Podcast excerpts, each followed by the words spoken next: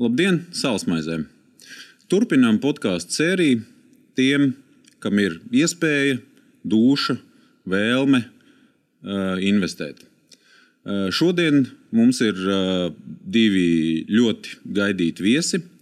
Atļaujiet iepazīstināt, banķieris, šī vārda īstākajā nozīmē, Roberts Idelsons un uzņēmējs ar lielo burtu Edgars, arī Edgars Pīgoznis.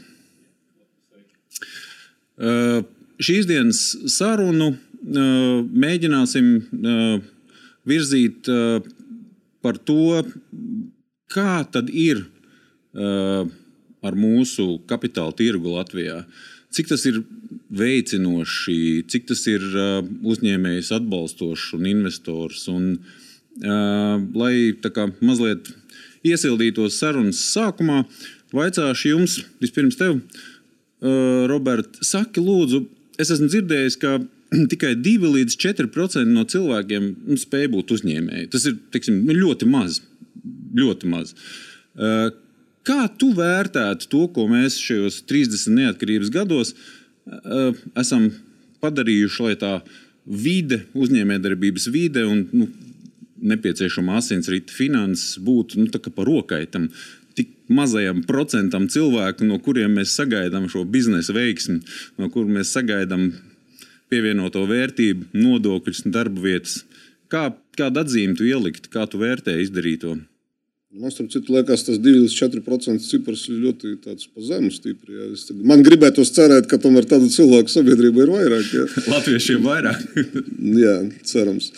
Jo... Es, es tev papildināšu, es šo druskuļi zinu. Tur ir apmēram 10% ir cilvēki, kas spēj pieņemt patstāvīgu lēmumus, un apmēram trešdaļa no viņiem tos lēmumus pieņem pamatā veiksmīgus. Tā kā tas procents 2,4 ir atbilstošs. Izrādās, es esmu pesimists jūsu vidū. Varbūt. Bet, jā, bet nu, jā, runājot par to, mums, kam, ko, ko mēs esam izdarījuši, nu, man liekas, nu, runājot par finanšu sektoru, varbūt vairāk, tad, tad tas ir, nu, man liekas, mums ir diezgan labi attīstīts banku sektors. Un, um, principā, ir sevišķi pēc tās transformācijas, kas ir pārdzīvot, sākot ar 18. un beidzot varbūt ar pāris gadus atpakaļ, ja, kad nu, mēs esam tikuši vaļā no tās visas nerezidentu sāgas un, eh, un eh, principā, pārvērsušies par tādu klasisko banku sektoru jā, ar dažiem lieliem spēlētājiem, kuri, nu, diemžēl, pieder ārvalstu kapitālam. Jā. Un, uh, man arī gribētos, lai, lai Latvijā nu, kaut kādā brīdī parādītos līdzīga izmēra banka tam lielam četrniekam, kas pieder vietējiem kapitālam. Un mēs Signeta pie tā strādājam, starp citu. Jā. Es to novērtēju. Bet, eh, bet eh, nu, jā, ir mazākas bankas, kas varbūt nu, katra specializējas savā jomā. Eh, līdz ar to tas, nu, kā, nu, tas kreditēšanas tirgus nu, ir samērā attīstīts. Un, ja mēs skatāmies vēsturiski, tad līdz 2008. gadam nu, ļoti daudz naudas tika iepumpēts ekonomikā. Uh, Protams, tur pēc tam bija zināmas paģiras, jā, bet ja mēs nu, vērtējam vienkārši to naudas daudzumu, nu, kaut kur viņš palika jā, šeit. Teiksim, tad, attiecīgi, nu, man liekas, viņš deva arī ļoti lielu labumu tur, tā, tā laika attīstībai. Jā. Ja mēs runājam par pēdējiem 10, 15 gadiem, tad, protams, tā, tā attīstība ir tāda nu, nedaudz savādāka. Banku sektors ir kļuvis stipri konservatīvāks un um, kredītu, kreditēšanas, uh, vispār finansējuma pieejamība Latvijai, manuprāt, uh, nu, nav tik laba, ka viņai vajadzētu būt. Un, nu, tā tēma, kas mani ļoti nodarbina, un, un, un kur mēs arī cenšamies dot zināmu tādu pienesumu, tas ir tieši kapitāla tirgus attīstība. Uh, Jo, diemžēl šī ir tā joma, kur mums nu, neizdevās panākt eh, tādu progresu, kā pat mūsu kaimiņi, kaimiņi nu, tie paši izslēgti. Es, es, es pamanīju kaut kur grafiku, kur rādīja eh, nefinanšu uzņēmumu emitētos papīrus dažādās Eiropas valstīs. Nu, tur Latvijas stabiņu nevarēja nevar redzēt. redzēt tur, nevar redzēt jā. Ka, Pagaidām nevar redzēt. Jā. Bet nu, jā, tā ir tāda īpatnība. Un, īstenībā, nu, es pēdējos divos gados esmu diezgan daudz domājis par šo tēmu. Man liekas, ka šis ir viens no tādiem nu, diezgan kritiskiem elementiem, kāpēc mēs arī atpaliekam savā ekonomiskajā attīstībā. Ka mums, nu, diemžēl, bankas ieņem to starpnieka lomu starp tiem uzņēmējiem, cik viņi tur nebūtu procenti, kam vajadzīga nauda, un kuri ir spējīgi ar to naudu saražot lielu pievienotu vērtību, maksāt nodokļus, nodibināt cilvēkus un virzīt valsti uz priekšu. Ja. Un tie cilvēkiem, kas pēc būtības nu, nav uzņēmēji, ja, bet kuri tomēr nu, ir spējīgi nopelnīt dažādos veidos, vai nalgotajā darbā, nu, vēl kaut kā nu, to, to naudu, kas viņiem nu, principā veido zināmu kapitālu, kuram mazāk, kuram vairāk, bet nu, tas kapitāls, diemžēl, lielāku tiesu stāv banku kontos. Pie tam, diemžēl, arī ne tikai Latvijā, bet arī citās valstīs. Ja. Un, attiecīgi, tas, ka mums tie, tie, tie uzņēmēji ar tiem kapitalistiem, nosauksim viņus tā, nu, nevar sajiet kopā pa taisno, ja, bet tas notiek tikai caur, caur, caur, caur depozīts un kredītas starpniecību. Tas, protams, nu, padara to finansējumu pieejamību ļoti nu, ierobežotu.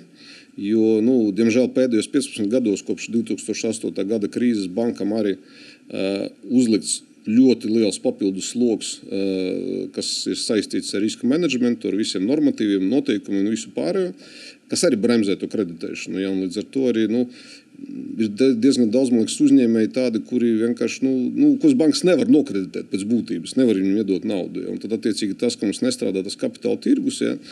tas, protams, tiem uzņēmējiem nu, faktiski liedz iespēju teiksim, finan piekļūt finansējumam un realizēt savas, savas idejas un ieceres. Ja? Bet tomēr es būšu piekasīgs. Nu, ja tev būtu jāieliek atzīme, nu, kā pasniedzējiem, nu, cik tu tiem, kas ir rulējuši, mūsu stūrējuši, kā, kādu atzīmi tu viņiem labi desmitbaļu skalā ieliktu par to. Tu domā par kapitāla tirgu vai par, par, par, par pašiem uzņēmējiem? Nu, ja, tas tie, ir tāds tie, interesants jautājums. Tie, tie, kas to politiku veido, atcīmezot, tie, kas ir radījuši to situāciju, ka to mūsu to nebanku kapitāla tirgu vispār neredz. Nu, te ir atkal var sadalīt jautājumu nu, divās daļās. Viens ir, nu, kur ir politiku vaina, ka viņam nebija vīzija, ka vajag šo jautājumu attīstīt. Un, un īstenībā man ir liels prieks, ka pēdējos divos gados nu, gan, gan Finanšu un Kapitāla tirgus komisija, gan arī Finanšu ministrija nu, pat ministru kabinets, jā, visi ir iesaistījušies un pēkšņi ir sapratuši, paldies Dievam, ka, ka mums ieraudzījuši to stabiņu. Jā, jā, ieraudzījuši to stabiņu un cenšas viņu tomēr padarīt nedaudz lielāku. Drīzāk nav viņi atraduši. tāpēc tāpēc nu, pēdējos divos gados es liktu atzīmi, tu, kāda bija skala desmit baļi vai pieci, desmit baļi. Nu, tad kaut kādi tur astoņi, deviņi pēdējos pāris gados. Jā. Bet, eh, nu, ja mēs skatāmies nu, kopš neatkarības eh, atjaunošanas, tad, protams, jā, nu, tā atzīme ir kaut kur, nu, nezinu, tur četri, tur varbūt. Jā. Pēc tam sākumā, starp citu, 90. gados bija daudz kas izdarīts, lai to attīstītu, bet atkal te ir, te ir arī jārunā par to, ka tajā brīdī, kad bija daudz kas izdarīts, lai to attīstītu, nu, nodokļu likumdošana, vispār likumdošana kā tāda, regulācija un vispārējais, ja, un kad varēja to, to nu, uzsēsties tajā vilcienā, ja, tad tieši uzņēmējiem nebija tā vēlme to darīt. Bija kaut kādas citas nu, prioritātes, citas varbūt nu, parašas biznesa vidē, kas, kas nu, faktiski to, nu, to iespēju neizmantoja. Jā, tad tajā posmā, teiksim, ielikt policijam, kā reizi, teiksim, atzīme arī nu, tuvu pie desmit, jā, bet uzņēmējiem tā atzīme būtu atkal nu, mm. zem pieci. Jā, saprotu. Edgar, kādu atzīmi tu liktu? Es eh, pirms atzīmes pieļauju, ka varbūt mans personīgais brands nav tik stiprs kā Signet bankai. Es divos vārdos par sevi. Droši, uh, es droši. arī esmu ex-banķieris. Es sāku savu nu, teiksim, tādu profesionālā darbību, kas man izveidoja kā, kā uzņēmēju, ja, ir, ir bankā, Vācijas Latvijas bankā, kas pēc tam kļuva par Hansa banku. Ja, Svetbankas laiks es vairs nepiedzīvoju. Un, um, teiksim, es esmu diezgan daudz laika arī pavadījis uh, pēc tam. Ja? Es, teiksim, es sevi nodefinētu kā sēriju veida investors vai, vai investors. Slikti tūkojās kaut kā. jā. Un, jā. Un, um, Mana pieredze, es esmu gan, gan 5 gadus Maskavā pavadījis, gan uh, es esmu uzņēmis. Faktiski nu, tāds teiksim, ir īpaši par pa nekustamo uzņēmumu, teiksim, to nozari pieminu. Tad, uh, tāds nu, teiksim, panākums, ar kuriem es lepojos, kad es kopā ar diviem partneriem Vācijā mēs izveidojām nekustamā īpašuma nozara saistītu uzņēmumu, kuru Pēc septiņiem gadiem arī nostājām Frankfurtas biržā, IPO bija un, un pēc tam arī pārdevu. Tur jāstaigā ar medaļu tagad faktiski. Tāda, man, man ir mājās ne medaļa, bet tas bulīts no Frankfurtas biržas, un es esmu zvanījis tur zvanu, un, un nu, tu, nu, visi uzņēmēji, teiksim, nu, Sapnis. es domāju, saprot, ka tas ir jā, viena vien liela lieta. Ja. Plus es, teiksim, esmu um, septiņus gadus, es esmu bijis Latvijas, tagad tas sauc iespēju kapitālu, tātad venture capital sauc tagad par iespēju kapitālu latviski. Uh, asociācijas valdes priekšsādātājs. Un, Un tagad es esmu arī LDDK viceprezidents. Ja? Un pēdējos trīs gadus es dzīvoju Londonā. Tā kā, nu, man tāda pieredze, varbūt, varbūt es kaut kādas detaļas par Latviju reizēm pazaudēju, bet nu, es, es atkal, nu, kaut ko skatos plašāk. Un, un, man šķiet, ka tas arī dod kaut kādas papildus iespējas. Ja. Tāpēc par atzīmēm runājot, man pirmais, kas nāk prātā, ko es atceros, ir tas, ka Um, um, tad, kad, tā, ka, teiksim, nu, tā, es sāku tajā Latvijas um, iespēju kapitāla asociācijā darboties, tad bija tāds uh, pētījums uh, par, par to, cik daudz politiķi saprot, kas ir vispār iespēja kapitāls, kas ir eh, startupi, kas ir teiksim, nu, jaunu uzņēmumu veidošana. Nu, tur tā izpratne bija apmēram 10% no politiķiem, no deputātiem, politiķiem. Un pēc tam bija, man šķiet, ka kādus četrus gadus vēlāk tieši tāds pats pētījums bija gat, nu, taisīts, un tas rezultāts principā bija tieši tāds pats. Ja. Tāpēc, nu, ja teiksim, runā par tādu uzņēmēju darbības radīšanu, uh, un attīstīšana, ja, kas mēs redzam, nu, kur Igauni teiksim, ir, ir vispār čempioni Eiropas mērogā ja, ar, ar saviem vienreģiem saražotajiem. Ja. Arī lietuvieši tagad uh, to dara. Ja. Tad nu, šī izpratne Latvijā kaut kā ir pietrūkusi. Tāpēc es politiķiem neliktu tik augstu vērtējumu, kā Roberts liek. Ja, jo nu, droši vien, ka tomēr banku tā sfēra ir tā, nu, labāk zināma, un, un, un tur viņi kā, nu, vairāk saprot. Jo nu, skaidrs, ka eh, katrs deputāts viņš ikdienā izmanto banku, tad viņam liekas, ka viņš labāk, viņam varbūt vairāk interesē, kas tur notiek. Ja. Tā kā es nezinu, es domāju, ka. Mm, es droši vien neliktu vairāk par 6 vai varbūt 70 baļu sistēmā. Jo arī jāsaprot tas, ka ļoti daudzu teiksim, tādu nu, veiksmi vai, vai, vai uzvaru pamatā, kas ir Latvijā, tomēr ir, ir tādas no ārpolitiskās lietas. Ir tas, ka mēs esam iestājušies Eiropas Savienībā, tas, ka mēs esam NATO tagad, ja? nu, tie ir tie lielie driveri. Ja? Un, un, nu, kad ir tas cikls, nu, nu, ja tu viņā esi iekāpis, tad principā tu vari darīt arī drusciņu muļķības, bet nu, vienalga būs pozitīvi. Tā kā, jā, mans vērtējums varbūt nav tik, tik ļoti tāds nē, nē, es varbūt nedaudz jā, papildināšu, kāpēc tā, nu, man, man Tagad tu taisnosies. Nē, jā, tieši tā, nē, es nedaudz pataisnošos, jo man liekas, ka no politiķiem palielu, nu, ko viņi var izdarīt? Viņi var, nu, izveidot kaut kādu vidi un sevišķi nečakarēt procesu, jā, bet, eh, un, un pēdējā laikā viņi to dara diezgan normāli, jā, bet, eh, bet no otras puses, nu, viņi nevar uztaisīt to, ko uz, jāuztais pašiem uzņēmējiem, vai ne? Nu, nu, viņi nav, bet, viņi nav Robert, uzņēmēji. Robert, bet es tev, es tev tagad, eh, nu, teiksim, es nezinu, vai tā ir oponēšana gluži, bet gan, nu, ko, par ko es esmu pārliecinājies, un es esmu par to stāvu un krītu, ka Latvijas uzņēmēji nav ne pa kapeiku sliktāki, vai nespējīgāki, vai mazāk eh, enerģiski kā eh, teiksim, Lietuvā, vai, vai Krievijā, vai Vācijā, vai Anglijā.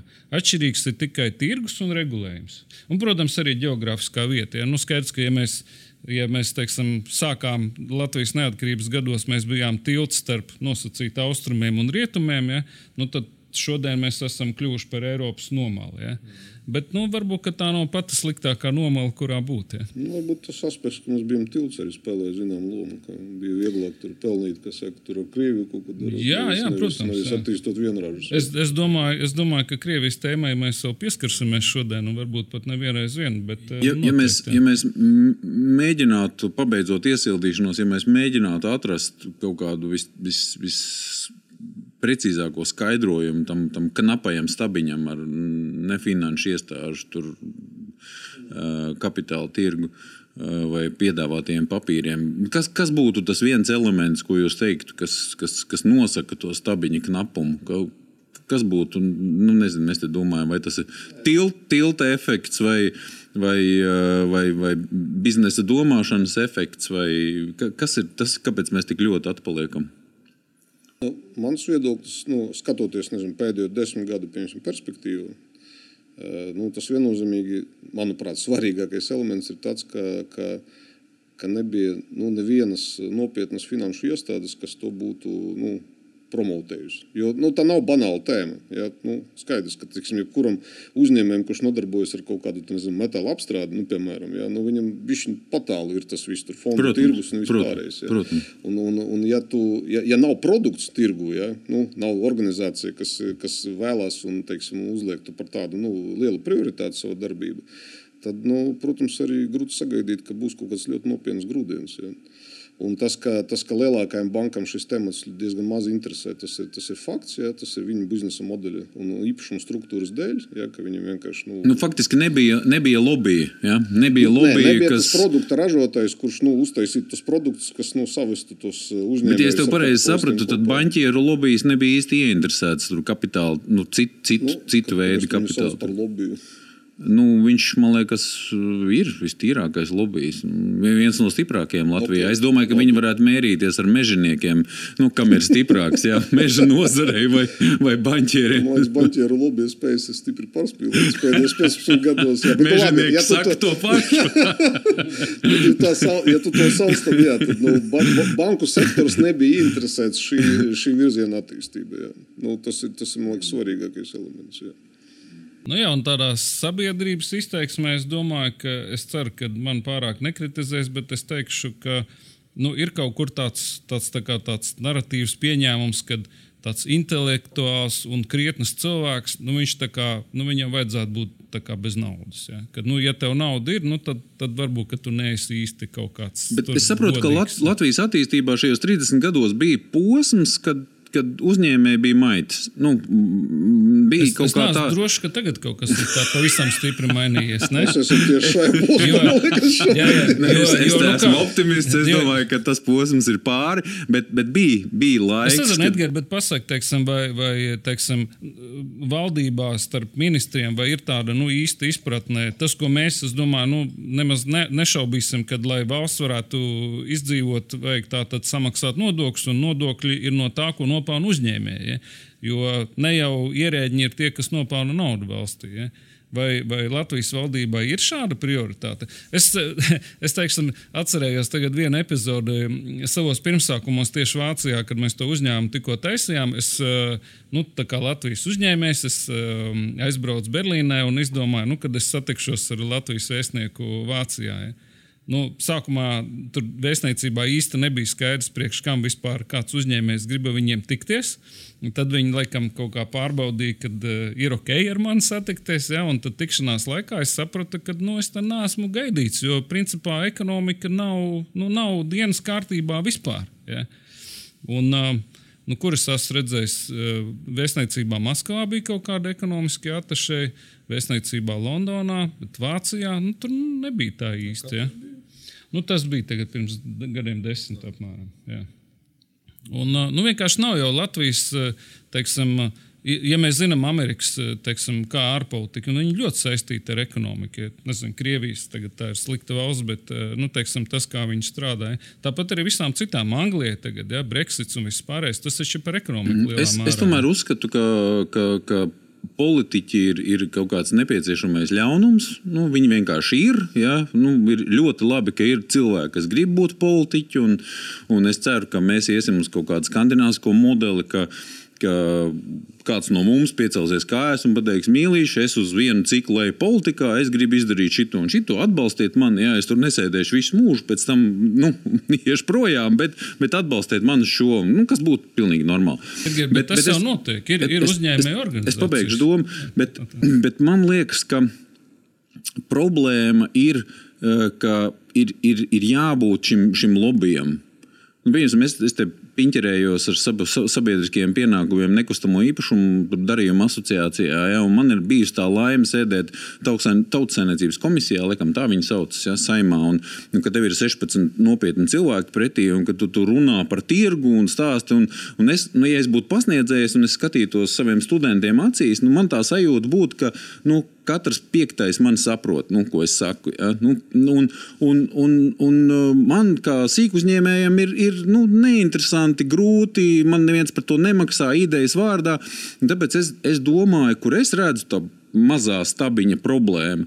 Es, es domāju, ka tomēr ir, ir, ir jābūt nu, kaut kādai nu, lobbyismu sistēmai, kārtīgiem, normāliem lobbyiem. Nu, teiksim, uh, nezinu, tavai asociācijai, jā, vēl kādām asociācijām. Viņam, nu, diemžēl, ir jātērējās, un tie budžeti ir trekni, un naudas ir jāsamet daudz, jo tos cilvēkus jau var pārliecināt. Ja? Nu, kā, kādus nu esam ievēlējuši, tādi ir. Bet, bet kādam ir jāmaksā par viņu pārliecināšanu. Un man liekas, ka te var iemest arī kaut kādu akmeni mūsu uzņēmēju dārziņā, nu, ka mēs esam diezgan stīvi, mēs negribam par to maksāt.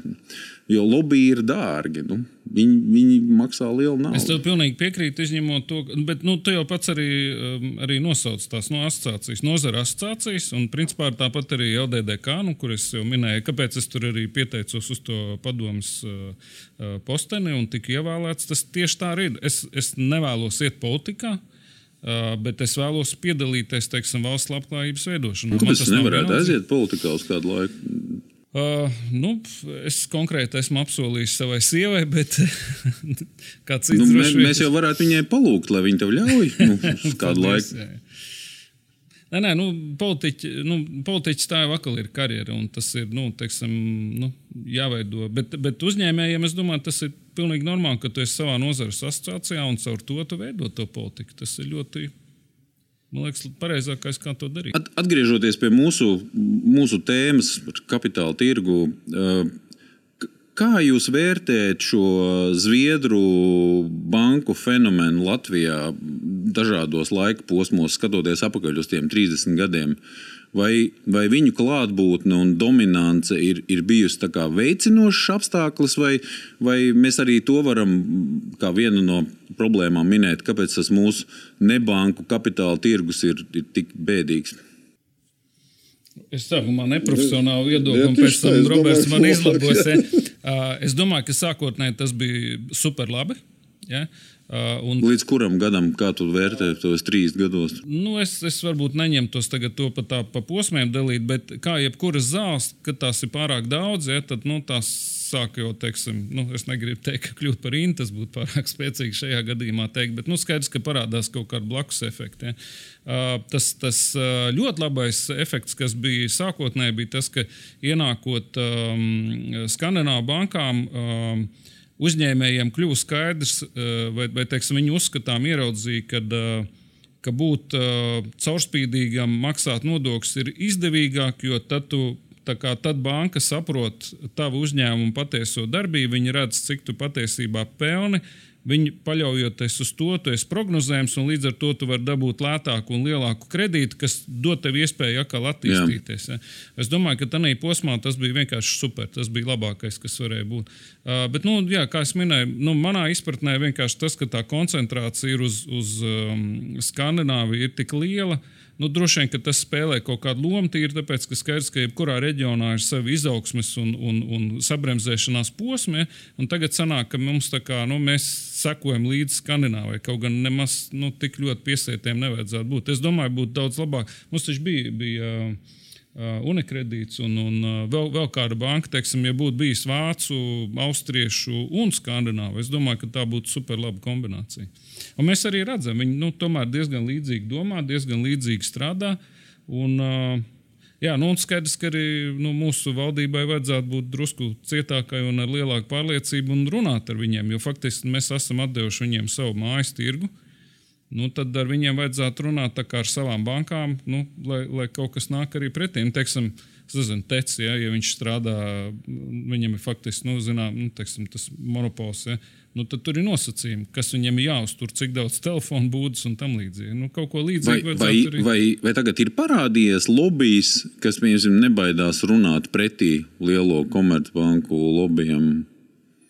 Nu, kas, kas redz kapitāla tirgu citādi, kas uh, grib to uzsvaru no, no kreditēšanas, tur uzņēmumu finansēšanā, tur pārlikt uz, uz, uz, uz citiem papīriem. Kā, kā, vai, vai ir kaut kāda dinamika tagad? Nu, man kā uzņēmējiem izskatās, ka to vēlās gan Latvijas ba- banka, gan uh, FKTK.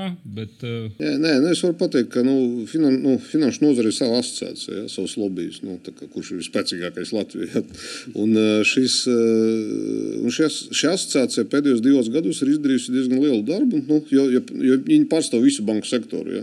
Un pat cik uh, banku sektoram, nu, piemēram, ir nu, Signet bankai kaut vai ir ļoti svarīgs šis temats, ja, jo mēs uh, nu, esam izvēlējušies nu, savu nišu dabīgā veidā, teiksim, lielā mērā tieši šajā segmentā.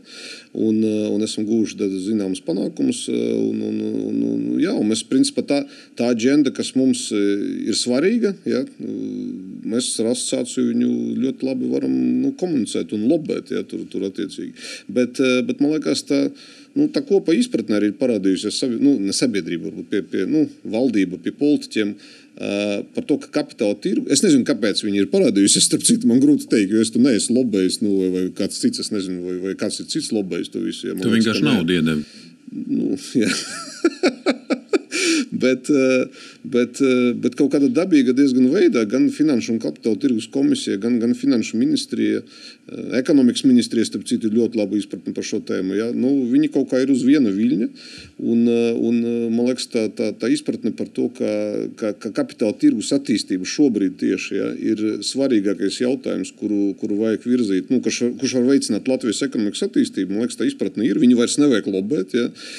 Ir konkrētas nu, kaut kādas nu, lietas, kuras ir, ir, ir jādara, nu, tehniskas lietas, ja, bet nu, ņemot vērā, ka, ka visas iesaistītas puses ir ļoti interesētas, es domāju, domāju, ka, nu, tas jautājums iet pats par sevi uz priekšu. Kaut gan ir atsevišķas tēmas, protams, kas man izraisa vienmēr smaidu. Pieņemsim, kad koloritākais ir tas, kad, kad sāk runāt par kaut kādu valsts kotāciju, tur, tur fondu biržā.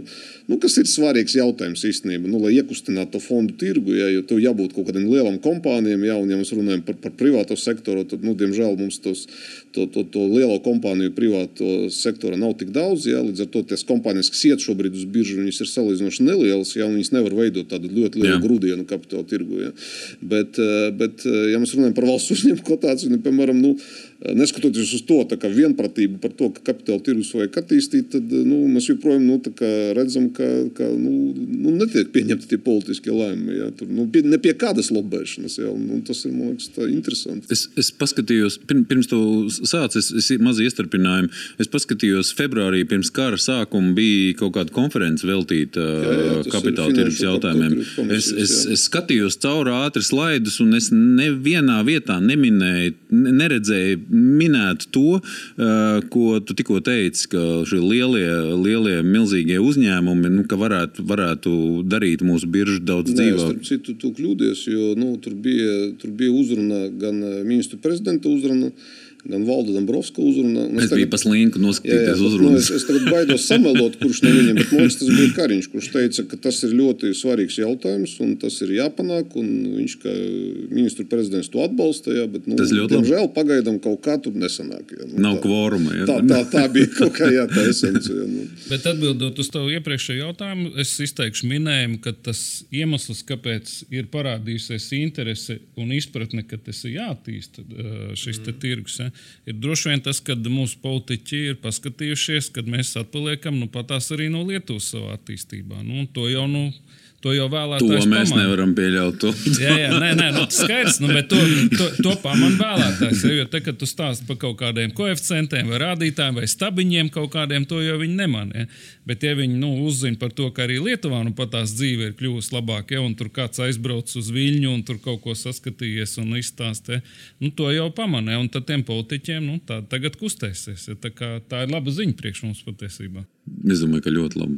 Domāju, man, man, man personīgi paliks slikti duši, ka es stāvēju Viļņas centrā, kur var redzēt to, to tās augstbūves, kā būtu pareizi latviešu, ja, kas, ko viņi ir, ko viņi ir savilkuši iekšā pa pēdējiem desmit gadiem. Vienkārši nelāgi palika ap dūšu. Bet te man jautājums tev kā profesionālim, ja drīkst uzdot arī jautājumu. Ja? Jo um, mans minējums par, um, teiksim, par, šīm, par šo te uh, straujo to, teiksim, attīstību ar jaunajām ēkām, mazāk Tallinā, vairāk viņa, vai, vai tas nav tāpēc, ka Rīga ir tik skaista? Es to paskaidrošu savu jautājumu. Jo mēs tomēr kara laikā, nu, Rīga netika ļoti bombardēta. Mums ir saglabājusies, es nezinu, 90% no centrā būs, varbūt pat vairāk. Ja? ir ļoti skaistas sēkas, bet nu, skaidrs, ka tām visām ir pārpas simts gadi. Un tā sākas ir nu, tādā stāvoklī, kādas viņas ir. Protams, ka mēs šo skaisto Rīgas centru ar jūgens stilu un ne tikai ar romantismiem visiem citiem stiliem mēs vēlamies saglabāt. Un tad jau nav vieta, kur uzbūvēt tās jaunās ēkas. Ja. Un, nu, nav jau noslēpums, ka uzbūvēt vienu tur stiklotu ēku, kas izskatīsies moderna, ja, nu, ir daudz, daudz vienkāršāk, pēc tam arī lētāk uzturēt, ja, nekā saglabāt šo veco mantojumu. Tas mans jautājums tev ir.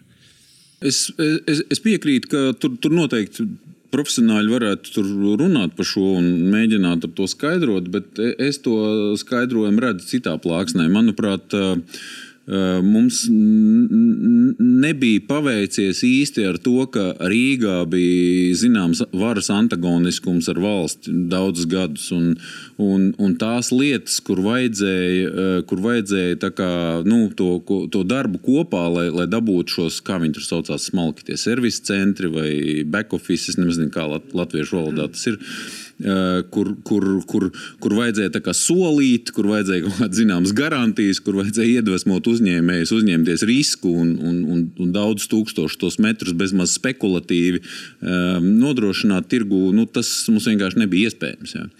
Uh, nu, skatīsimies uz priekšu, nu, bet at, atpaliekam pāri. Es domāju, nu, jā, vienkārši mums tādu sitiju īsti nav kur uzbūvēt. Nu, sitiju biznesa sitiju, es domāju. Ja? Es domāju, ka tev ļoti daudz uzņēmēju nepiekrist, ja? Ja, kas okay. ir sapirkuši milzīgas pļavas. Tur, nu, ka, kas jā, ir? Tas, nav, nu, tas ir kā, nu, bet, bet tas ir atkal, tas bija tiešām mans minējums. Es, es, es domāju, ka ir kur uzbūvēt. Mēs, mēs redzam pēc saviem klientiem, ka ir gan, gan, gan vieta, gan, gan vēlme, bet, bet kur, kur mēs klūpam, ka piemēram, Viļņā ir vismaz trīs reizes īsāks šis process no lēmuma pieņemšanas līdz uh, īrnieku ielaišanai vai, vai kā. Un, un, uh, un, un, uh, nu, mums ir diezgan duļķains ūdens, ja tā var izteikties, ja, ko, ko, ko nu, daudzi varbūt nu, īsti negrib izmēģināt. Ja. Nu jā, tā birokrātija, tu pieminēji, tā tiešām ir viena lieta. Es uh, savā sērijā veida investoru mūžā esmu arī līdzīpašnieks vienam uh, grāmatvedības ārpakalpojumu uzņēmumam, kas strādā visās trīs Baltijas uh, valstīs. Tad uh, es varbūt šodien ir nedaudz mainījusies situācija, bet pirms pāris gadiem bija tā, ka Um, viens grāmatvedis uh, Igaunijā, Latvijā un Lietuvā varēja apkalpot uh, dažādu skaitu ar uzņēmumiem tieši birokrātijas dēļ. Tad tā proporcija bija apmēram tā, ka ir uh, teiksim, viens grāmatvedis ir vajadzīgs Igaunijā, pusotrs Lietuvā un divi Latvijā, lai izdarītu Bravo. to, to, pašu. Jā, bet pieskaroties šai tēmai, man liekas, arī runājot, kāpēc pie mums nav varbūt tik daudz to debesu skrapju. Ir tā skaitā, nu, man liekas, tas kapitāla apjoms, kas ir pieejams šeit Latvijai vietējiem uzņēmējiem. Nu, viņš ir mazāks nekā, nekā Igauniem un Lietuviešiem. Mēs tagad atkal velku atpakaļ uz to kapitāla tirgus tēmu, jo, jo reāli, ja mēs paskatāmies, nu, kā, kā biznesa process notika jau vairākus, pat desmit gadus Igaunijā. Uztaisīt biznesu, tīru, smuku, sapakotu, izēju biržā dabūna labu valāciju, pārdod, investē tālāk nu, dzimtajā zemē. Ja? Un līdz ar to nu, viņam tas kapitāla apjoms kopējais, kas pieder uh, Igaunijas uzņēmējiem, un kur, kurš tiek investēts arī lielā mērā Igaunijā, viņš ir uh, nu, stipri lielāks nekā pie mums šeit Latvijā. Un tāpēc mēs arī redzam, ka gan Igauni, gan Lietuvieši nāk šeit mūsu vietējā, tajā pašā nekustamo īpašumu tirgu, un kas mums tagad attīstīts, tos oficiālus centrus lielus, ja? nu, pēdējie darījumi, viss tas ir ārvalstu kapitāls. Jā, tas, tikai. tas, tas ir fenomenāli, tas, ko tu saki, jo, jo man, man viens žurnālists vienreiz spīdzināja, kāpēc, kāpēc tās lietas lietuviešu un igauņu attīstītāju kompānijas ir tik labi kapitalizētas, tik jaudīgas. Un, un, un man pašam bija nepatīkami to skaidrot, ja, ka, ka faktiski nu, jāatzīst, ka mūsu jaudīgie būvnieki un attīstītāji viņi savā dzīvē ir, ir koncentrējušies uz pilnīgi kaut ko citu. Ja, nu, absolūti. Ja mēs ejam vēl dziļāk šajā tēmā, tad jā, labi, tev ir tas equity kapitāls, nu, tas, tas akciju kapitāls, ko tu pats ieliec. Ja. Tālāk, nu, jebkuram attīstības projektam vajag ko tu aizjūti uz banku, paņem bankas kredītu. Labi, banka tev nofinansē 60% no attīstības tur, izmaksām. Ja? Tu esi optimists. Bet, bet tev, nu, pieņemsim, ja? 40% tev jāliek pašam. Ja? Bet ko dara lietuvieši un igauni tālāk? Tālāk viņi uztais vēl obligācijas, ja? Nu, nenodrošinātas obligācijas, kas faktiski kalpo, nu, stāv kaut kur pa vidu starp to bankas kredītu un, un pašu savu kapitālu, akciju kapitālu. Ja? Un tad tādā veidā viņi vēl, nu, viņam vajag to kapitālu vēl mazāk. Un viņi to dara jau nu, desmitiem gadu, ja, tāda veida finansējot savus projektus. Ja, līdz ar to viņi nopelna vairāk. Viņi spēj realizēt lielākus projektus. Ja. Viņam vajag mazāk naudas savas priekšstā, un viņi arī nopelna vairāk savu ieguldīto kapitālu. Ja? Un tas, ka pie mums ot, tāda finansēšanas forma nav attīstījusies, un viņa tagad attīstās tikai, ja? tas arī viens no iemesliem, kāpēc nu, mūsu ot, konkrēti nekustamā īpašuma development sfēra atpaliek no, no mūsu kaimiņiem. Jā, nu, tas ir patiesībā tieši tas, ko es izdarīju Vācijā. Ja, mēs, mēs bijām trīs partneri, divi vācieši un es, un mēs katrs ielikām par 225 tūkstošiem. Ja? Pēc tam mēs piesaistījām obligācijas. Ja? Un, protams, mēs arī kapitalizējām peļņu. Šodien tas uzņēmums biržā maksā apmēram 100 miljonus. Ja. Un tas ir nu, jā, ir, super. Jā. Klasiskais nu, stāsts, jā, jā, kā vajag saka, izmantot kapitāla tirgu, lai izaudzētu. Un, un, jā, tā tas darbojas. Jā. Jā, man arī ļoti gribētos, lai no nu, uzņēmējiem, nu, es arī starp citu redzu ļoti daudz pozitīvus signālus tagad, jo tagad nu, notiek tāda zināma pakāpeniska paudžu maiņa tajā nu, uzņēmējdarbības vidē. Jo, protams, ja cilvēkam ir 60 pāri gadi, nu, viņam grūti nu, saka, iebraukt tajā kaut kādā jaunajā tēmā, jo viņš kapitāla tirgu neko nav darījis līdz šim un vispārējais. Ja. Bet par cik tagad daudz ir tādi, kas ir 30 pāri, tur varbūt. Nu, 40 gadīgi uzņēmēji, kuri jau nopelnījuši zināmu naudu, jā, bet viņi domā bišķi savādāk. Un tad nu, tā kapitāla tirgus tēma paliek tāda nu, aktīvāka šeit. Jā. Tā kā, nu, tas, tas, jā, tas man priecē. Ko, ko, jūs, ko jūs redzētu kā darāmos darbus, lai, lai šis kapitāla tirgus tiem diviem vai nezinu, četriem procentiem sabiedrības, kas ir gatavi uzņemties risku un iet uzņēmējdarbībā. Tā ir 10%. Labi. tiem viena trešdaļa to izdarīs. Tiem 10%, lai, lai, lai viņus iedvesmotu. Kas, kas būtu, kas, kas, ja mūs, ja mūs klausās tie, kas var ietekmēt šo virzību, kas, kas būtu tās darāmās lietas, kas akūti būtu, būtu steigšas jādara? Es domāju, ka vislabākais tas pamudinātājs ir nu, pozitīva pieredze. Ja, ja, ja ne pašam, tad kādam, kuru tu personīgi pazīsti. Tāpēc tas tā nu, izplatās pamazām. Mēs jau nevaram tagad visus apsēdināt pie skolas soli, sko, soli teiksim, iemācīt viņiem kaut kādas patiesības, pateikt, re, kur ir pamēģiniet, te viņi pamēģinās un izdarīs. Tā kā droši vien, ka piemērs. Nu, jau... Jā, piemēri jau ir. Jā, piemēri ir, jā, piemēri ir un, nu, es varu jau daudzus piemērus izstāstīt, jo mēs pēdējos. Uh, divos, trīs gados uztaisījām. Nu, mēs piesaistījām kopēju finansējumu jau pāri pa 200, liekas, tuvu jau 250 miljoniem eiro būs. Caur obligāciju emisijām tieši. Jā, tas ir, nu, man liekas, priekš Latvijas diezgan nozīmīgs cipars, ņemot vērā, ka mums ir kaut kāda gada jaunisniegtu kredītu. Sacenšties ar valsts kasi faktiski apjomā. Nu, nē, nē, valsts kasa tas ir cita līga absolūti. Un, uh, un likmes, protams, ir savādākas nekā priekšvalsts kases, ja, kad viņi emitē obligācijas. Bet, uh, bet, jā, bet mums ir emisijas, mums ir piemēri tādi, kur, kur, kur ir uzņēmumi nu, samērā nelieli, kas aizņemas 2,5 miljonus. Tas, man liekas, bija mazākais emisijas apjoms. Un, nu, lielākais, ko mēs esam taisījuši, man liekas, bija 30 miljoni šobrīd. Ja. Nu, nu, tas, ir, tas ir vidēji uzņēmumu segments. Ja. Un, un, man liekas, nu, atbildot uz jautājumu, kā, kāds ir tas padoms, ja, kas ir jādara. Nu, vienkārši, nu, jātur acis vaļā. Nu, ja, ja ir tāda tēma, ja, viņa kļūst ar vien populārāka, tad nu, var aiziet nu, uz banku, pajautāt, nu, pie konsultantiem, pie paziņām. Nu, to informāciju var pasmelties kaut kur. Ja, tad, tam tagad ir konferences, visādas podkāstu, kas saka, un vispārējais. Ja, ka, nu, es domāju, tas ir vienkārši nu, darīšanas jautājums. Jo, jo, nu, protams, ne katrs uzņēmums var arī to ceļu iet. Ja. Bet, bet ir daudzi, kuri var, un sevišķi tie uzņēmumi, kuri atrodas tādā sākotnējā attīstības stadijā, kuriem ir samērā grūti saņemt nu, tādu pietiekošu bankas finansējumu. Jo bankas jau ko grib? Bankas grib, ja, ja izsniegta nauda, ja izsniegts kredīts, tad viss, kas tiek nopelnīts, jādod atpakaļ, lai nu, to kredītu pēc iespējas ātrāk un drošāk atmaksātu. Ja. Bet daudziem tas neder. Daudziem vajag nu, lielu daļu no tās peļņas, kas ir nopelnītas, novirzīt tālāk attīstībai. Ja. Un, un šeit tas, tas obligāciju, tas kapitāla tirgus, viņš arī palīdz to izdarīt. Ja. Jo, jo nu, tur krietni elastīgākas struktūras, tur var bez ķīlam kaut, ko, kaut kādu naudu piesaistīt. Jā, varbūt likmes būs bišķiņ lielākas, bet tāpat laikā, nu, ņemot vērā, ka tā nauda nebūs jādod, jāņem ārā no biznesa, viņi tur paliks iekšā un to biznesu vairos, tad attiecīgi attiecīgi arī kompānijas vērtība augs ātrāk. Un, un, un attiecīgi arī nu, vienkārši tie bišķi pārmaksātie procenti, viņi ar uzviju kompensēsies ar, ar, ar enterprise value pieaugumu. Ja? Un, ja mēs tam visam vēl pieliekam klāt to faktoru, ka, nu, ja tu sāc ar obligācijām un tālāk tu, tu pakāpeniski uzbūvē kaut kādu imidžu investoru acīs, ja? Un tad tālāk tu gribi teiksim, iet uz biržu ar savu akciju publisko piedāvājumu, ja, tad to arī var krietni vieglāk izdarīt un ar, ar krietni labāku valuāciju. Ja.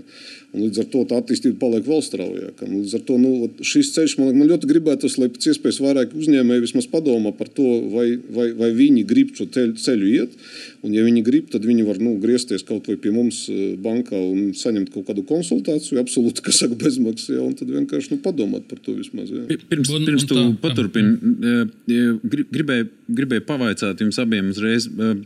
Ja tagad mūs skatās un klausās kāds uzņēmējs vai uzņēmēji, kur, kur īsti nu, nevar saprast, pa kuru ceļu iet, pa to mūsu to vēsturisko, ja viņi var tā nosaukt, osmānisko, ja, ka kaut ko noslēpt, kaut ko sadalīt uzņēmumos, tur kaut ko izņemt, kaut ko šķībā veidā, un, un šo eiropeisko, ja, orientēto uz, uz biržu, uz kapitāla tirgu. Kas, kas būtu tie argumenti, nu, apsvērt otro? Varbūt pat amerikānisko vairāk nekā eiropeisko. Es vienkārši gribēju papildināt pie, pie Roberta teiktā, vēl, nu, ir tās obligācijas, bet ir jau arī Latvijā tagad alternatīvie ieguldījumi fondi. Viņi arvien vairāk tagad paliek. Ja? Un, un tur atkal ir. Nu, mm, Tur ir cities. Tas, es domāju, vienkārši nu, uzņē, uzņēmumiem, ja, Tavs jautājums bija, man liekas, bija vairāk par investoriem, kā, bet, bet, ja par uzņēmumiem, tad ir jau tā paleta diezgan gara, jo tie alternatīvie ieguldījumi fondi jau sen darbojas. Tātad nu, vairāk nekā desmit gadus jau Latvijā. Ja? Un, uh, tur ir tā, kā, nu, ko saka arī, ka tie investori nāk ar savu know-how. Ja, viņi tev nu, tur ir vai, vai no mezonīna kapitāls, vai no kapitālā Jā. grib ieguldīt, vai tā. Viņi nāk ar savu kā, padomu, ar, ar savu know-how, kā to uzņēmumu varbūt attīstīt. Ja. Un tad ir nu, arī šī iespēja, ja uzņēmums zina, ko viņš grib darīt. Viņam vajag vienkārši lielāku kapitālu. Tad viņš atkal var nu, teiksim, paciet un, un emitēt vai no akcijas, vai, vai, no, vai no obligācijas piesaistot. Un, nu, skaidrs, ka jā, nu, labāk te, bieži vien ir tā, ka nevis bieži vien, bet patiesībā tas laikam ir zelta likums, ka labāk ir mazāk daļa no kaut kā lielāka un labāka, jā, nekā ka tev pieder viss, bet nu, netik labs. Tur ir daudz joku par šo tēmu. Es laikam nestāstīšu šoreiz, bet nu, es domāju, ka Eh, klausītājiem pašiem ienāks prātā kādas rupjas anekdotas par šo. Nu, ot, mēs varam paskatīties arī no otras puses, ja? nu, par, to, par, to, par tiem cilvēkiem, kuriem varbūt nu, nav tajos 4%, kuriem ir nauda. Ja? Jā. Nu, kāda viņam šobrīd ir izvēle ar to naudu? Ja? Viņam šobrīd ir izvēle, nu, to, viņš atnāk uz banku, viņam piedāvā noliekt naudu depozītā 0,0%. Vai arī par atlikumu? Ja? Jā, vai arī nu, tieši tā, maksāt par atlikumu, ja pēdējā laikā. Ja? Bet, uh, ok, vai nu viņš var kaut kādas tur, nezinu, ārvalstu vērtspapīrus iegādāties un vispār. Bet, nu, pieņemsim, paņemam, nu, jebkuru gandrīz cilvēku, kuriem ir, nu, kurš dzīvo šeit Latvijā. Ja? Viņam tagad nu, atnāks un pateiks, ka nu, ir tāds uzņēmums. Nu, nu, viņš viņu zina, teiksim, tur, nezinu, tur veikalu tīkls kaut kas vai vēl kaut kas. Un, re, kur ir viņa obligācijas, tu vari nopirkt viņas, ieguldīt, dabūt ienesīgumu 6-7%. Piemēram, ja. Normāli. Nu, kāpēc ne? Pie tam to tev piedāvā nu, vietējie cilvēki, atkal nu, nu, normāli pazīstami cilvēki. Tas ir krietni labāk nekā iet un pirkt kaut kādas Teslas akcijas, kur tu neko vispār nesaproti. Ja? Nu, man liekas, tas, ir, tas arī palīdzētu visai sabiedrībai kopumā, nu, tiem cilvēkiem, kuriem ir brīvā nauda. Nu, vismaz viņu ar inflāciju nepazaudēt un varbūt arī kaut kādu savu kapitālu pakāpeniski vairot. Ja? Un tas arī tas, tas ļoti liels labums īstenībā. Tas, tas arī palīdzētu teiksim, to kapitālu. Nu, Jā, tas ir tas, ko Roberts min. Tas ir tieši tiešām ļoti būtisks moments, jo uh, Latvijas pensiju fondi ir, savākuši milzīgus līdzekļus, mm. ja, bet absolūti lielākā daļa aiziet uh, caur tiem pašiem skandināvu uh, pensiju fondu menedžeriem uz, uz, uz Amerikas vai Teslas akcijās. Jā, Teslas akcijās nosacīt. Jā. Un, un tas ir ārkārtīgi muļķīgi, ja tu paskaties tādā nu, valsts mērogā, tāpēc ka sanāk, ka Latvija varētu attīstīties straujāk, ja, ja te būtu vairāk naudas, bet mēs paši savu naudu, ko mēs savācam, investējam mm. svešas valsts attīstībā, tā tad vai nu tā būtu ASV vai, vai kāda cita nu, no, no rietumu Eiropas valstīm, kurām tāpat naudas ir pietiekoši daudz. Ja? Nevis investējam savā Latvijā, jo te būtu tas retais gadījums, kad ir win-win. Ja? To arī skaidrs, ka nopelnīt vairāk ieguldot šeit. Nu. Bet uh, nu, jā, nu, skaidrs, ka pensiju fonds ir, ir, ir svētlieta un tas ir jāsargā. Tur ir tie nu, ļoti skarbi limiti, cik, cik maz naudu no tā var ieguldīt uh, šeit. Nu, tagad gan tas mainās, jā, bet uh, ļoti lēnām. Hmm. Vai, vai mūsu sabiedrība vispār tam ir gatava? Viņi ir, viņi ir gatavi ieguldīt tur vienu, mūsu tautiešu tur veidotā uzņēmumā. Tur tagad Viņš tagad savus nu, apmīļo ar acīm, savus 5000, vai, vai mēs mentāli esam tam gatavi. Kad es tagad tur... mentāli gatavi bitkoinus pirkt, man liekas, nu, nevajag apšaubīt. Nē, nu, bitkoins ir kaut pilnīgi kaut kas cits. Jā, tas ir, Nē, nu, man liekas, te ir atkal tas, nu kā, nu, ja, ja tas vietējais uzņēmējs, ja viņš ir atklāts un ne, viņš neko tur nešmugulējās ar nodokļiem, bet ir caurskatāms un paredzams, nu kāpēc ne? Tas, tas tā kā Roberts saka, nu, ja es, es zinu šo uzņēmēju, es zinu to uzņēmumu, ko viņš dara. Cik daudz visādas krāpniecības bijušas Amerikā, biržās, ir, teiksim, ka tur Enrons kanāls, kad ir, ir vienkārši mānīti, tagad ir tas. Uh, Um, tas, tas karšu vairkārt, ja? uh, kur, kur vienkārši nu, teiksim, apmānīti auditori, pat ja kad esot kaut kādā man tā, man tā izskatās pēc liel, liel, ka, lielās kaimiņu valsts spe, nu, vienalga, speciālās bet, operācijas. Ne, nu, bet, bet, bet, okay, bet vien, nu, principā tas, tas ka teiksim, tie, tie, nu, tie tālie uzņēmumi, tur jau viss, viss kas var būt tiem lācīšiem vēdā. Un nu, šeit to kaut zina, kas ir tas uzņēmums, tur redz, kā viņš darbojas, nu, kāpēc lai neusticētos viņam. Ja? Tā kā. Mm. Bet, nu, protams, sakau, jābūt pozitīviem piemēriem. Ja, un, un, nu, ja mēs runājam, teiksim, optimisti vai nē, nu, es esmu optimists, jo es redzu, ka labi ar, ar kaut kādu novēlošanos, bet mēs jau ejam pa to pašu Igaunijas ceļu. Nu, faktiski, nu, paskatāmies, kas Igaunijā bija pirms dažiem gadiem, nu, apmēram varam prognozēt, kas būs šeit, lielā mērā. Ne, ne tieši, protams. Ja. Mm, vai, vai nav tā problēma, ka, ka Igauni ir pamanījušies tomēr nu, kaut kā teiksim, būt daudz godīgāki pret, eh, pret eh, valsts ieņēmumu dienestu, pret uh, cilvēkiem, kam interesē viņa grāmatas? Es, es domāju, vai, vai, vai gadījumā mēs esam, nu, vai mēs neesam drusku pa pelēku priekš šādu uzticēšanās līmeņu. Es, es tā saprotu, tā, tā, tas tolerants līmenis, ko mums brīdī mēra pret korupciju, ja, tas jau reflektē arī, nu, cik sabiedrība ir gatava pieņemt to, ka tam uzņēmumam ir trīs vai četri grāmatu komplekti. Ja, tur, nu, un, un, vai, vai tas neiet pretrunā ar to, ka mums tagad ir jāgaida, nu, ka tas sabiedrības tas loceklis, savus iekrājumus uh, uzticēs tam uzņēmumam?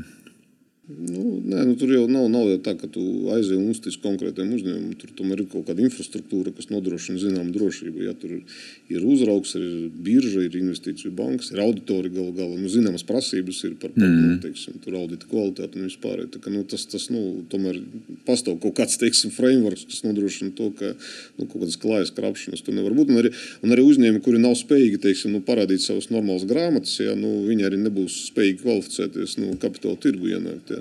Bet, eh, bet eh, runājot par to, man vispār nepatīk nekad tāda, tāda vispārināšana par to, ka nu, nezinu, Latvijā tur mēs esam. Nu, okay, varbūt, varbūt vidēji mēs esam, jā, bet tāpat laikā nu, es domāju, un es arī zinu, ka ir vesela virkne, teiksim, simtiem uzņēma, uzņēmumu, kuri, kuri, kuri mierīgi var ienākt eh, fondu tirgu un, būt ļoti veiksmīgi un attīstīties straujāk. Tas, tas ir viennozīmīgi. Protams, tur ne visi, visi nevar tur kvalificēties, un tas arī nav uzdevums kapitāla tirgu, lai, lai, lai, lai visi uzņēmēji, teiksim, nu, uz turieni varētu spēt nokļūt. Es vienkārši domāju, vai mūsu tolerants pret korupciju arī kaut kādā zināmā mērā nav skaidrojums tam knapajam tur ārpus banka kapitāla tirgus stabiņam. Droši vien viena, es domāju, ka nu, vairāki faktori, gan uh, divkopienu valsts, ja, kas nu, man liekas, ir viena no, no, no tādām lielākajām teiksim, nu, bremzējošajiem faktoriem Noteikti. Latvijā. Jo skaidrs, ka nu, ja, ja, ja valdība runā ar, ar, ar, teiksim, ar divām trešdaļām no iedzīvotājiem, un viena trešdaļa paliek kaut kā. Nu,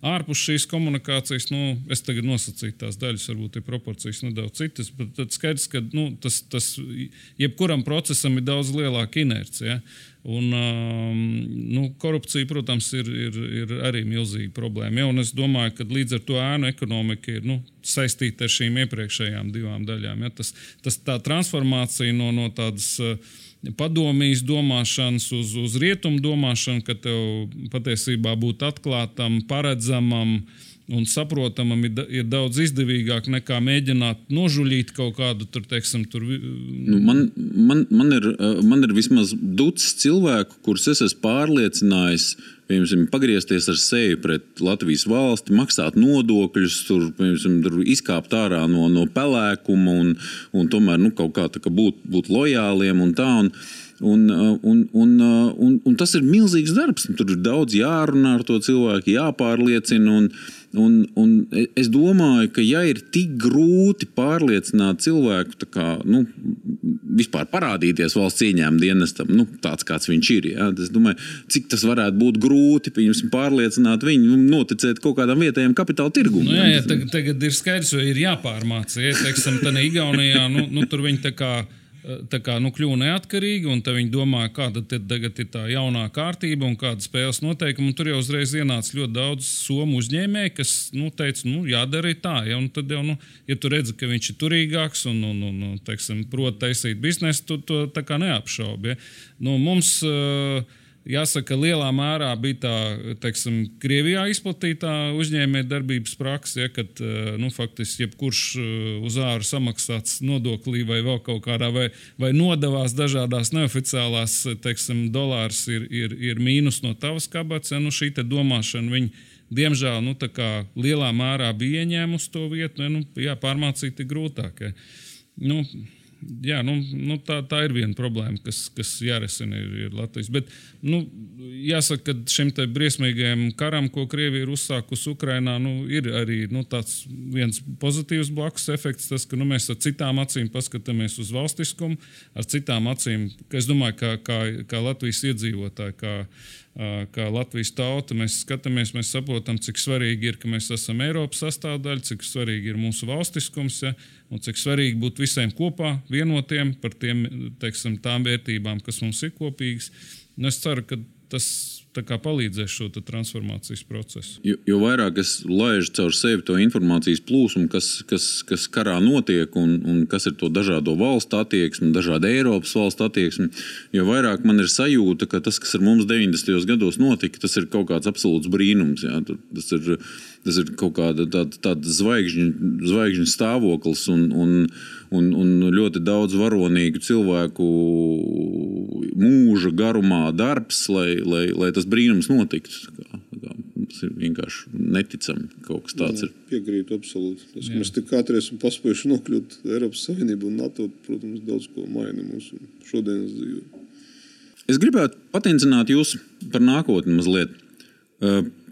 Kā jūs redzat, kur, kur uzņēmēji pelnīs? Kas būs tas, kur varētu kādu jēdzīgu ienesīgumu sagaidīt, skatoties kaut kādu 5, 10 gadu uh, perspektīvā? Ja mēs pieņemsim šo kara iespēju, izslēdzam, to Excelī nevar ielikt, uh, bet pieņemot, ka mūs nebombardēs. Kā, kā jūs redzat šajos, šajos apstākļos, kad, kad uzņēmējs no rīta izberzē acis un viņam stāsta, ka ir 20% inflācija, un, un, un kad pēkšņi galveno lomu pasaulē biznesā ir ieņēmuši centrālo banku vadītāji, neskapēc. Ja, kā, kā jūs redzat, kā pelnīsim kā, kā mani klienti dzīvos.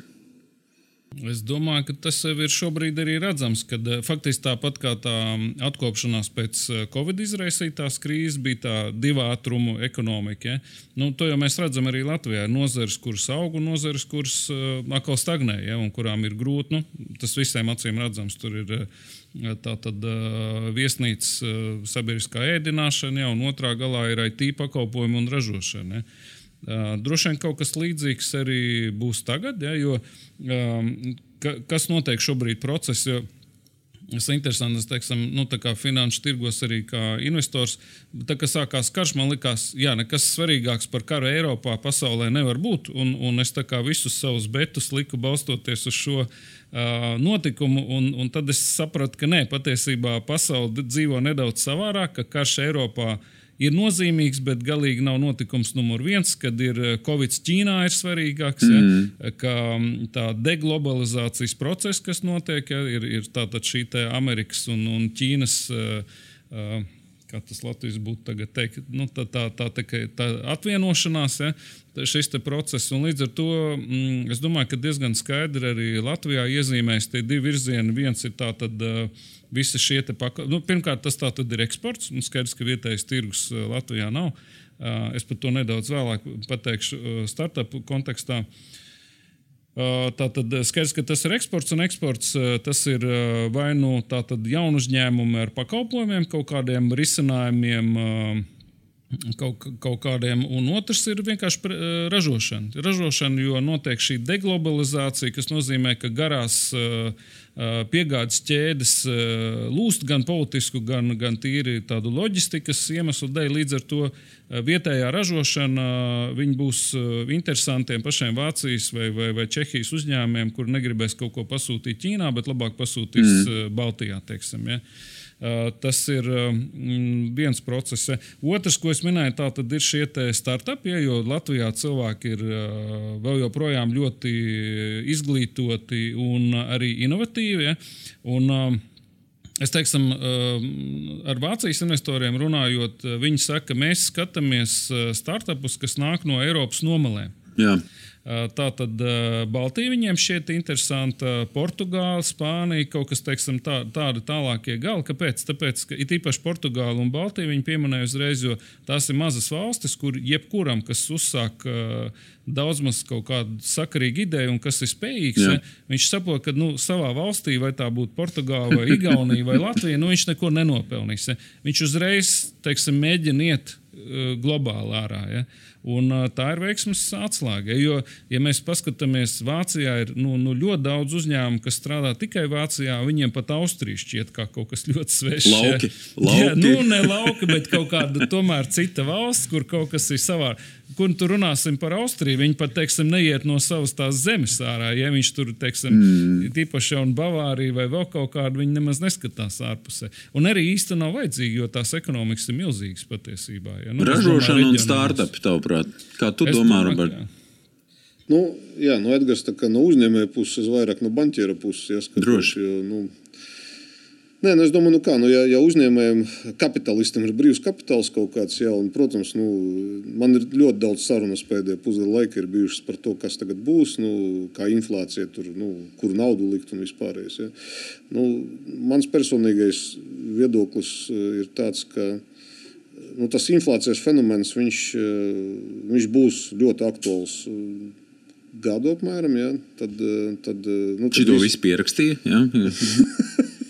Nu, es, es bieži kļūdos arī savās prognozēs. Ja, tā kā, tā kā, ir tāds joks, ka paklausies gudra analītiķa prognozes un izdari otrādi. bet, bet, jā, nu. Esot tāpat arī joks, ka salīdzina ar laika prognozēm, jo tās gadu laikā esot kļuvušas stipri, stipri precīzākas atšķirībā no ekonomikas prognozēm. nu, jā. Bet, eh, bet es domāju, ka nu, nu, jāpiet tādu veselu saprātu tomēr visam. Ja? Nu, nu, nevajag krist galēji. Es, atceros, nu, kaut kādus divus gadus atpakaļ neviens par to inflāciju vispār nerunāja. Ja? Tagad, tagad pēkšņi tas ir kļuvis par nu, pamatoti, kļuvis par ļoti aktuālu tēmu. Ja, bet, ja mēs skatāmies, kā centrālās bankas tur rēģē, nu, man ir eh, dziļa pārliecība par to, ka ka centrālās bankas to inflāciju diezgan ātri spēs apkarot. Nu, Caur to, ka tiks izpumpēta lieka ārā no finanšu sektora, no ekonomikas faktiski. Jā, beig, beigās. Ka tikai tirgus izdzīvot to. Nē, nu, protams, ja mēs skatāmies, kas notiek tagad, no nu, visos aktīvos, viņi lēnā garā kūst. Nu, visu pusgadu, teiksim, mums nu, ar tādu dažādu intensitāti, ar, ar tādiem viegliem atstieniem, bet, nu, principā, visu aktīvu cenas krīt. Ja? Tas ir, kāpēc? Tas ir tāpēc, ka vienkārši nauda tika e, izsūkta ārā no tā, no tā mm. burbuļa, kas tika uzpūsts pēdējos 15 gados. Tas notiek nu, plānveidīgi un mierīgi, kas ir ļoti labi. Ja? Un, eh, un tas turpināsies vēl kādu laiku, es domāju. Un tad, eh, attiecīgi, nu, vienā brīdī vienkārši procentu likmes eh, pieaugs vēl, nu, Amerikā, nezinu pat cik, bet no Eiropā, nu, manuprāt, būs nu, 2%, varbūt, ja, manuprāt, augstāk neies. Un tad kaut kādā brīdī, nu, tiks konstatēts, ka, nu, ok, mums ir recesija, mums, kas saka, inflācija vairs nav tik liela problēma, līdz ar to, nu, likmes jāsamazina, atkal jāsāk stimulēt ekonomiku. Ja, un tad, attiecīgi, nu, es domāju, ka kaut kur pēc gada, nu, pusotra, diviem, nu, mēs redzēsim, ka šis cikls pagriezīsies, pagriezīsies otrādi. Ja? Nu, es domāju, gan ekonomiskais cikls, gan arī visu aktīvu teiksim, dzīves cikls. Un, ja mēs tagad pārējām no šīs vispārinātas teiksim, nu, dzīves skatu uz to, ka, ko, ko darīt ar naudu, es domāju, neko tur tādu nu, īpaši atšķirīgu nekā, nekā tas, kas bija nu, desmit gadus atpakaļ, nevajag darīt. Jo, Jo, jo tajā brīdī, kad procentu likmes stabilizēsies, inflācija stabilizēsies, eh, principā stabilizēsies arī visi tirgi, ja, mēs redzēsim, ka, ka, ka, ka aktīvu cenas nu, kopumā kāps. Uh, Un, uh, es domāju, nu, tajā brīdī nu, klasiskais, nu, ko, ko jādara ar naudu, tad nu, pērts uh, lielākajai daļai nu, kapitāla jābūt ieguldītai kaut kādos stabilos finan, tekošu ienākumu nesošajos instrumentos. Uh, Tas ir nekustamais īpašums, eh, obligācijas. Ja? Nu, es domāju, nekustamais īpašums nu, ir spekulatīvais, bet nu, kaut kādi komerces komerc objekti, kuri vienkārši nes kaut kādu stabilu ienākumu.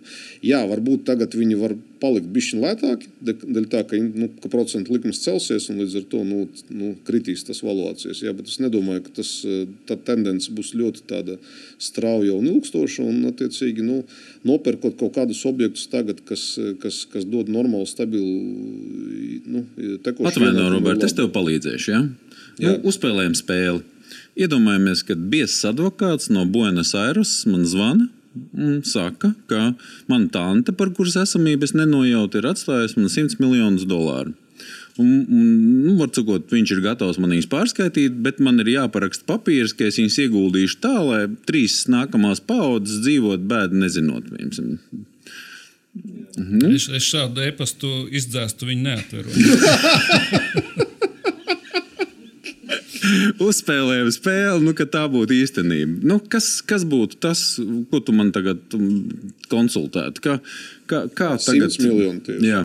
Nu, 40% nekustamo īpašumu kas nes tev paldies, paldies, paldies tev, paldies par labiem vārdiem. 30% nu, dažādas obligācijas, nu, neiesim detaļas tagad, Jā. kaut kādus 20% nu, akcijas.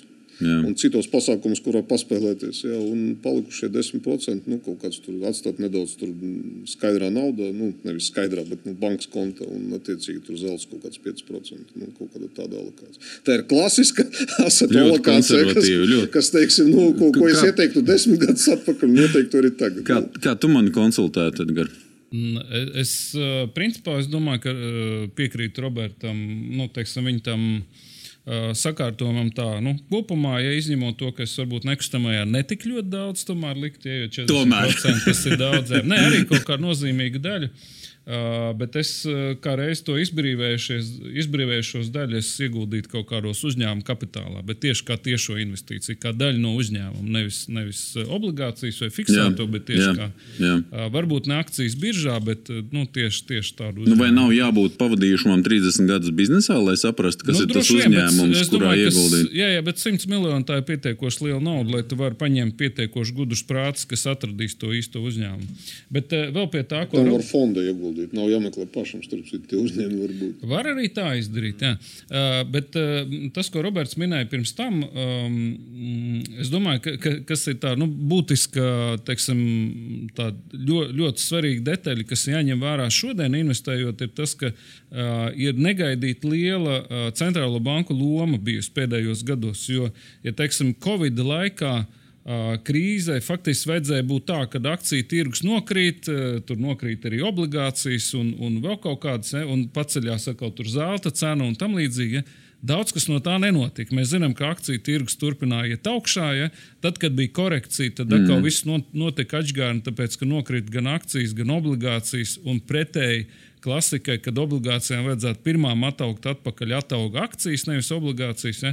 Un daudz vēl citi arī tāpat par, par, par materiāliem. Nu, es domāju, par, par biržas, teiksim, visādiem komoditīs, teiksim, arī bija dažādas atgādnības. Ja?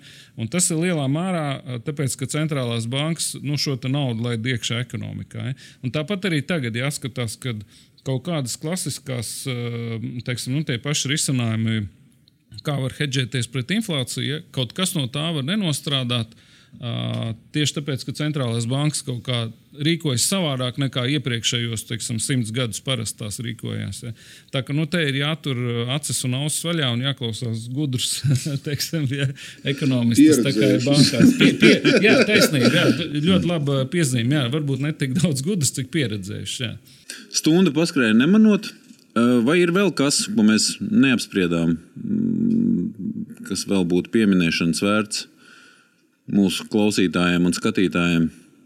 Es domāju, ka ļoti būtisks ir, ir, protams, Krievijas uzbrukums Ukrajinā un, un karš un, un nu, tie blakus efekti. Pieņemot, ka ka tas teiksim, nemainīsies principāli nekas, kad nu, Ukraina turpinās ar vien veiksmīgāk aizsargāties un, un cerams arī atgūt savu teritoriju. Jā, kad nu, Krievija teiksim, saglabās kaut kādas pēdējās saprāta robežas un, un paliks tur, kur viņi ir. Ja? Un, un, un mēs esam droši teiksim, NATO teritorijā, ja? bet uh, vienalga ir dažādi procesi, kas uh, ir tātad uh, Ukraiņas atjaunošana. Uh, Krievijas tātad šodien bija pieņemts lēmums par to, ka Latvija vairs neiepirks gāzi no Krievijas no 23. gada. Arī pārējā Eiropa tā darīs. Tas veicinās milzīgas vienkārši izmaiņas tādās ekonomikas, loģistikas struktūrās, kas ir Eiropā. Un tāpat arī zaļais kurs, viņš jau nekur nav pazudis. Ja. Viņš, protams, šodien ar šodienas reālijām, tur, teiksim, Vācija, kur ir noglis un, un, un, un, un nu, teiksim, daudz, daudz lietas ir atliktas maliņā, ja, bet tas nav uz ilgu laiku. Un šī te, ļoti būtiskā transformācija ekonomikā, Eiropā nu, un ASV, protams, arī tāpat arī deglobalizācija, to gan mēs minējām. Jā, nu, es domāju, ka šie procesi ietekmēs mūsu patiesībā jau pēc tam diviem, trim gadiem daudz vairāk nekā tas, ko mēs šobrīd redzam. Es, es tev pilnībā piekrītu. Tas, tas, tas zaļais, zaļais virziens, viņš, viņš ir nu, nenormāli svarīgs. Vienkārši Jā. nenormāli svarīgs. Un, un, un, protams, ka ja mēs sazūmējamies uz šo ziemu, kad varbūt kādu brīdi būs jāpavada tumsā un augstumā, ja, izskatās viss traki. Bet, eh, ja mēs paskatāmies uz kaut kādu 5 līdz 10 gadu perspektīvu, es, es redzu nu, milzīgi pozitīvo efektu. Nu, mēs uh, iemācīsimies uh, enerģiju dabūt citādi, kā tikai no lielā austrumu kaimiņa. Un, un, es esmu nu, vidējā un ilgtermiņā es esmu ļoti optimistisks. Bet, bet par tuvāko ziemu nu, visādi var sanākt. Interesanti, ja, jo nu, Vācijā atklāti runā par to, ka Hamburgā pilsētas vadība pateikusi, ka nebūs karstais ūdens ziemā. Tur teiksim, šobrīd jau kaut kāda ārā baseina tiek slēgta. Vai, vai, vai lielākais Vācijas uh, dzīvokļu īpašnieks Vanovija ir paziņojis, ka viņa dzīvokļos temperatūra naktī pazeminās pa diviem grādiem zemāk nekā parasti ziemā, ja, apkurss sezonā. Pie mums par to klusē. Droši vien, ka tas viss nāks Pēc 1. Es, oktobra. Es esmu apņēmies, es esmu apņēmies par šo vasaru iemācīties iet augstā dušā, nu, tā, tā, nu, lai, lai es nenāktu uz darbu smirdošs. Nu, ja kas. Kā? Man ir plāns. Jā, plāns okay. Jā. Jā, es domāju, ka mēs iemācīsimies taupīt. Bet, uh, Roberts, tu kaut ko varbūt nē, nē, es domāju, liekas, es jau.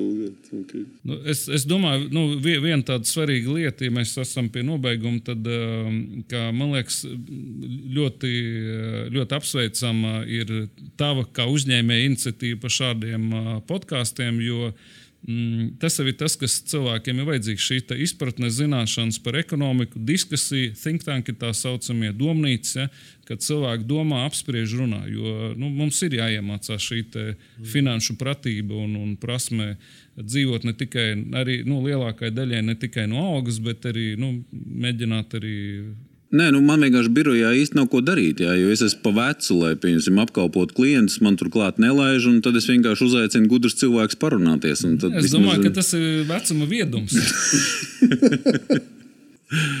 jā, paldies, Robert. Paldies, paldies. Edgars. Bija paldies. ļoti, ļoti interesanti saruna. Paldies, skatītāji, klausītāji. Meklējiet mūsu sociālos tīklos un uz tikšanos nākamajā sālsmaizē.